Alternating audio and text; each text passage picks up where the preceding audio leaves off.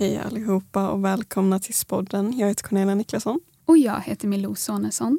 Det är väldigt kul, vi har fått in ansökningar redan. Mm, till att ta över Spodden. Mm. Det är väldigt kul. Så vi ska snart börja med intervjuerna men den här veckan så har vi ju en ny lärarintervju. Ja, det är alltid kul. Vi sa ju det förra avsnittet, våra favorittyp av avsnitt är när vi intervjuar lärare. Så eh, välkommen Lina Svensson. Tack så mycket, jätteroligt att få vara ja. här. Mm. Jättekul att du ville vara med. Vi tänkte börja med att fråga vilka ämnen du undervisar i. Eh, jag undervisar i psykologi det här läsåret och eh, gymnasiearbete. Så det är bara de två ämnena jag har nu.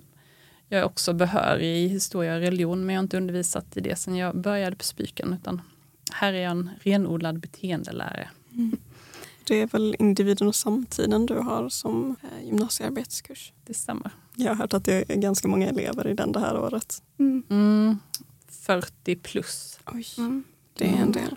Mm, men vi är fyra lärare som eh, delar på den. Mm.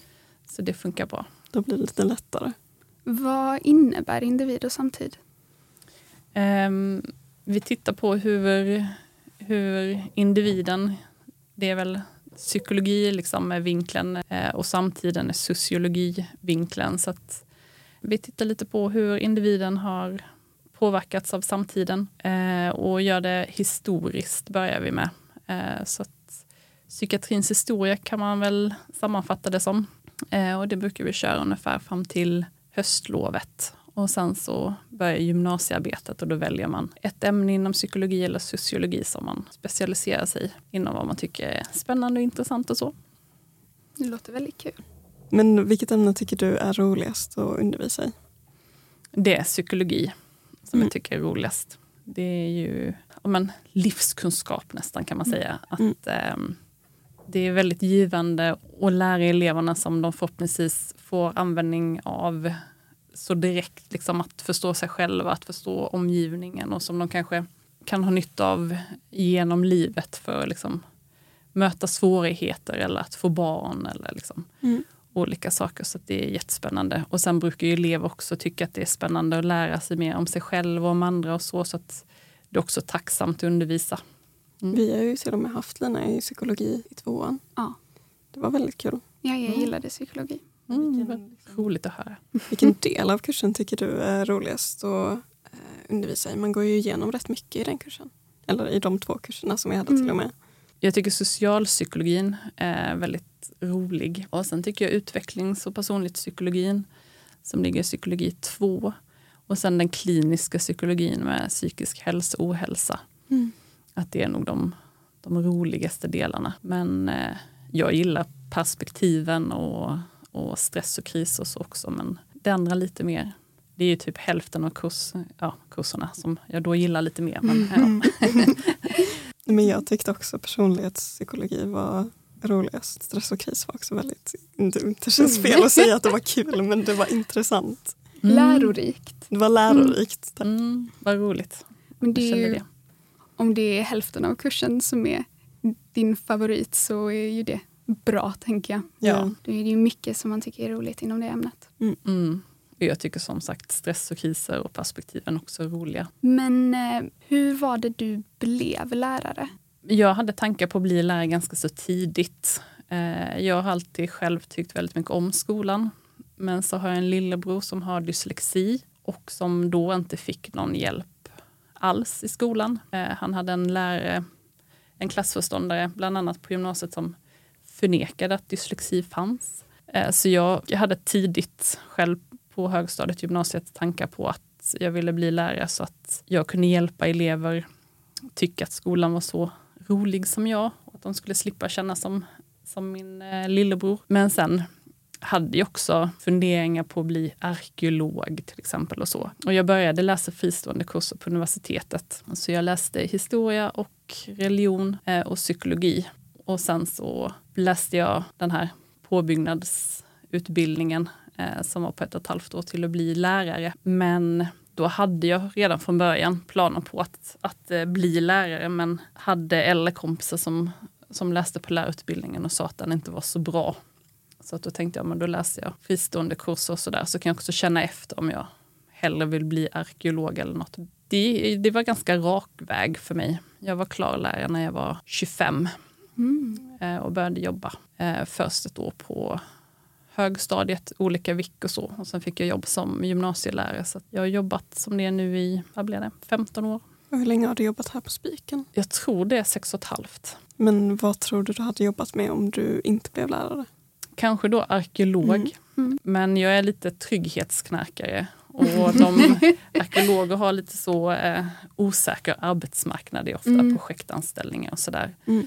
Eh, det tyckte jag var läskigt också. Mm. Eh, och sen gillar jag att jobba med människor och inte med ben. Mm. Så jag är glad att jag valde att bli lärare. Ja. Man får inte så mycket social interaktion med ben. Det är lite svårt. Lite ja. svårt att hålla en konversation. Mm. Ja, det hade det varit. Men mm. det hade ju varit fantastiskt häftigt att mm.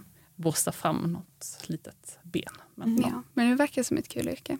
Jag har mm. funderat på arkeolog också. Tänk vad coolt att upptäcka en dinosaurie. Mm. Jag hade också gärna upptäckt en dinosaurie. Ja, hellre det än typ människoben. Det känns ju deppigt. Men dinosaurier hade varit kul.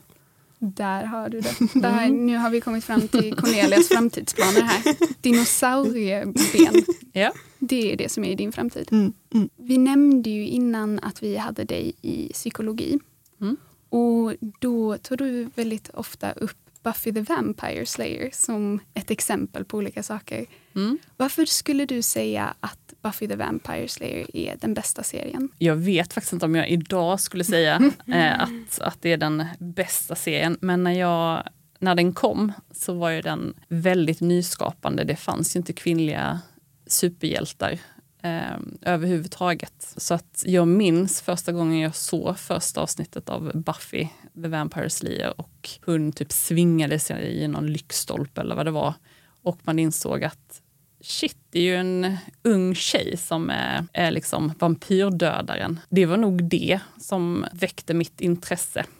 Eh, det är ju väldigt, väldigt länge sedan den kom. Det måste varit när jag själv gick på högstadiet kanske. Men sen är den ju den är ju rolig och den tog upp hbtq-frågor oerhört tidigt. Eh, och så där, så den var ju intelligent. Det tror man ju inte när man ser den för de där vampyrmaskerna är ju inte jätteimponerande. Men, eh, ja, men jag tittade ju om den även i vuxen ålder. Men nu har jag nog inte sett den på typ tio år. Det kanske är dags. Ja, det börjar nog bli det. Ja, jag känner det nu när vi pratar om den. Ja. Mm. Nej, jag har själv aldrig sett den serien men den låter väldigt cool. Mm. Det, var nog, det var väl en av våra kompisar som sa Snälla fråga Lina om Buffy the Vampire Slayer. Ja. oh, jag, måste, jag måste höra Lina prata om Buffy the Vampire Slayer. om ni ska ha med någonting i avsnittet, ha med det. Ja. Ja, men jag rekommenderar den. Mm. Den, är ju, den har ju väldigt mycket. Eh, den har ju spänning och romantik och så också. Men och nu idag finns det ju massa andra serier med starka unga kvinnor och så. Mm. Eh, men det fanns, det fanns inte 97 när den, jag tror mm. den kom. Mm. Eh, så då var den väldigt unik. Och även när Buffy, en av hennes bästa kompisar, eh, skaffar flickvän mm. så var det också unikt på den tiden. Mm. Men det, det, är en speciell känsla att se sig själv typ så här, representerad eller vad man ska säga mm. i media. Eller ja. se sig själv eller någon som är som en själv mm. göra positiva saker. När man inte ser det så ofta så blir det någonting speciellt. Mm. mm. Och Det kan ju också bli som någon man ser upp till också. Mm.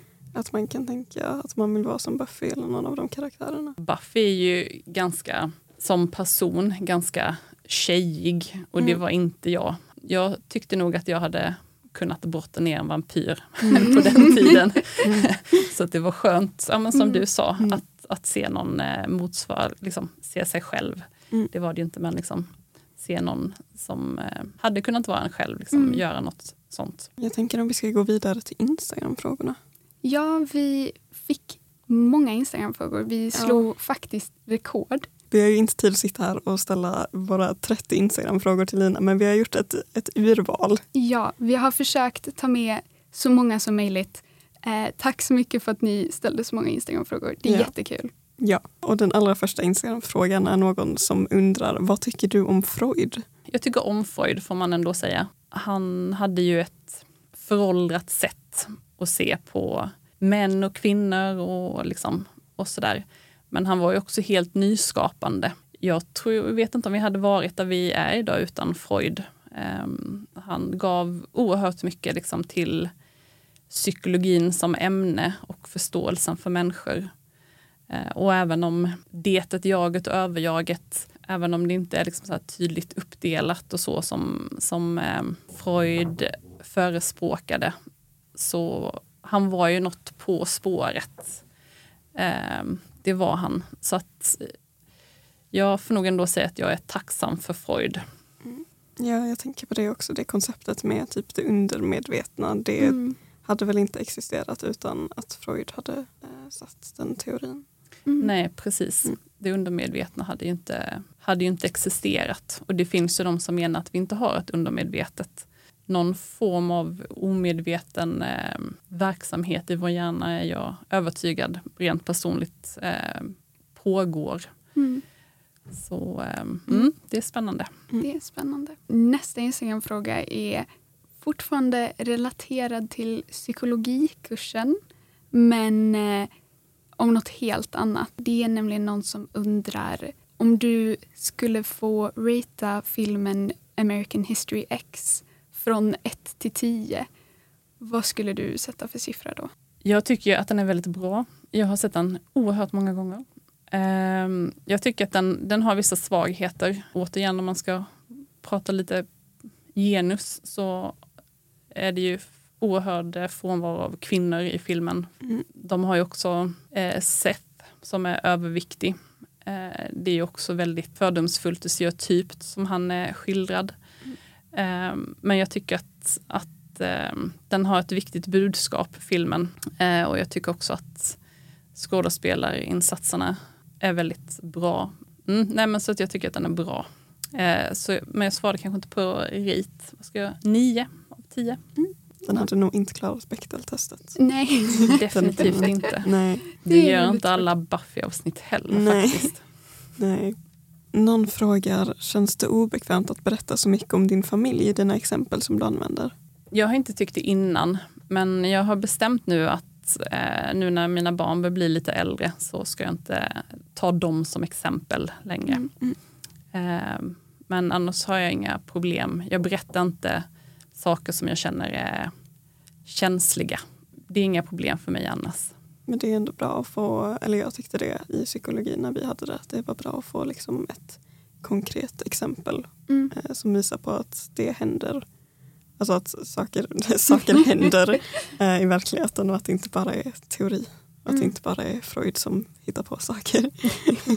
det är någon som undrar vem din lärarbästis festis är.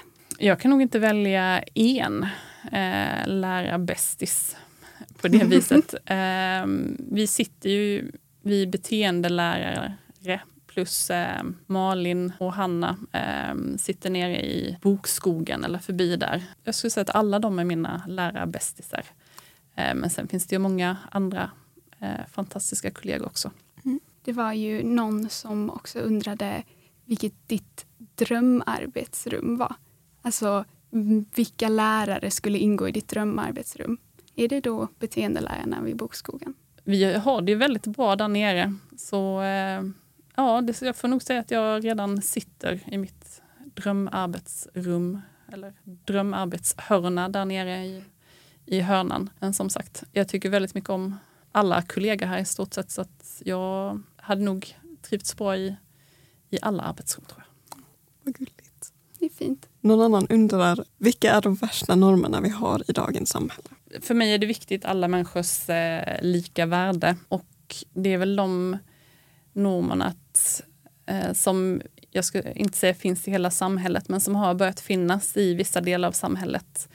Eh, där inte alla människor har sam, anses ha riktigt samma värde. Så att det är väl rasistiska normer som finns i olika grupper mm. som jag har svårast för. Mm. Det är ju det är svårt att typ så här rangordna vilka normer som är värst. Det är ju typ alla, mm. som du sa, alla normer eh, där folk inte behandlas lika. Mm. Men eh, nu byter vi igen helt samtalsämne till något lite mer positivt. Mm. Eh, vilket är ditt bästa minne som du har från din tid på Spiken? Jag har ju så många bra minnen från Spiken. Jag kan nog inte välja ett, ett, eh, ett minne. Det är ju det är så många gånger som man eh, har härliga möten med elever eh, eller haft en lektion som man känner att eleverna tyckte var spännande och blev engagerade i. Ja, nej, men olika elevmöten och lektioner och sådär. Jag har svårt att liksom välja ut en särskild. Skulle du säga att elever och möte med elever, att det är det bästa med ditt jobb? Ja, det skulle jag. Det, jag tycker absolut att det det är det som är det bästa. Sen tycker jag också att det är roligt. Jag tycker att läraryrket är ett kreativt yrke. Eh, det får det inte alltid cred för att vara, men kurserna som vi har, alltså som psykologi, psykologiämnet är jättestort. Likadant när jag undervisar historia. Historieämnet är ju enormt. Att man har mycket frihet och liksom eh, skapa lektionsupplägg eh, och sådär som för att lära ut men också göra, väcka intresse och sådär. Eh, så att jag tycker att det är roligt också förbereda lektioner och sådär. Mm. Men det är absolut roligt, det är ju roligt för att man vill ha gensvaret mm. som det förhoppningsvis ger. Mm. Ja, jag skulle säga att alla lärare har väldigt olika så här, typ stil på deras lektioner. Mm. Vi brukar ju alltid säga så här, Åh, det är en typisk den här läraren lektionen. Mm. Eller så. Att eh, alla har lite olika så här, sätt som de lär ut och vissa saker som är väldigt karaktäristiska mm. mm. för den personen. Mm. Jag tänker på psykologin så var det mest karaktäristiska bikuporna. Ja. när, vi, när vi skulle prata i grupp. Mm. Hur kom du på idén med bikupor? Alltså jag tror att det var någon gång när jag själv gick på universitetet så var det någon lärare som, som sa till oss att diskutera nu lite i bikuper. Mm. Um, och så bara satte det sig. Mm. Så att jag kom på det, eller kom ihåg det själv någon gång. Jag tycker det är en så rolig formulering. Ja, mm. bikupa låter så här väldigt positivt. Mm. mm. Det låter roligare än så här, oh, gruppdiskussion. Sätter dig mm. och diskuterar i grupper. Mm. Sätter dig och diskuterar i bikupor. Mm. Helt plötsligt lite roligare. Ja, men jag tyckte det också när jag hörde det mm. första gången. Så att, mm. ja. Men den sista frågan som vi har till dig är en Kiss, Mary kill-fråga. Det är någon som undrar Kiss, Mary kill på Freud, Piaget och Anders Hansen. Ja, får nog döda Piaget. Nej! Eh, eh, han, han har ändå inte påverkat lika mycket som eh, Freud och jag kan inte ta död på Anders Hansen som är den enda som lever. det känns ju, känns ju inte schysst. Nej. Um, ja, men jag skulle nog få um, kyssa Anders Hansen och Nej, nej, jag kan inte gifta mig med Freud. Kyssa Freud. Jag vill inte kyssa honom heller, men kyssa Freud och gifta mig med Anders Hansen. Då. Mm. Jag hade inte heller velat gifta mig med Freud. Nej, han, nej. Känns, han känns komplicerad. Ja, han känns lite för tung mm. att vara gift med. Mm. Vad hade du sagt Melo? Oj. Uh, ja, men det får väl bli uh, kyssa Freud, gifta mig med Piaget och döda Anders Hansen. Jag hade också dödat Anders Hansen. Min mamma älskar Anders Hansen. Mm. Och det, då, um, jag har hört lite för många föreläsningar om uh, mobiltelefoner och varför de inte är bra. Vilket hon har en poäng men den väckarklockan som hon köpte, den hemsöker mig. Den väckarklockan? Ja, vi skulle inte ha mobiltelefoner eh, i sovrummet. För det sa Anders Hansen. Och då eh, köpte vi en väckarklocka istället. Mm. Och jag är, jag är livrädd för den. Det, jag har mm. slutat använda den för att jag började vakna typ en minut innan. Oj. Så här kallsvettig för att jag var livrädd för att den skulle börja ringa. okay. Så sorry Anders Hansen, men det går inte. Han får ta han får skulden han för får det. Skulden. ja, nej, jag hade dödat Anders Hansen för att jag gillar inte hans röst så mycket. Det är typ det enda jag har emot honom. Det är ganska många elever som har problem med hans röst. Mm, men den är så nasal.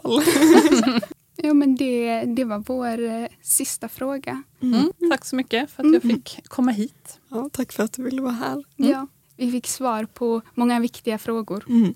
Men eh, då börjar vi avrunda. Vi ska väl börja med att säga tack till alla ni som har lyssnat. Eh, och tack till Lina som ville vara med i avsnittet. Mm, och om ni vill nå oss så kan ni mejla oss på eh, spodden.spiken.gmail.com och om ni vill följa oss så finns vi på Instagram på atspodden.podcast. Tack för att ni har lyssnat. Hej då!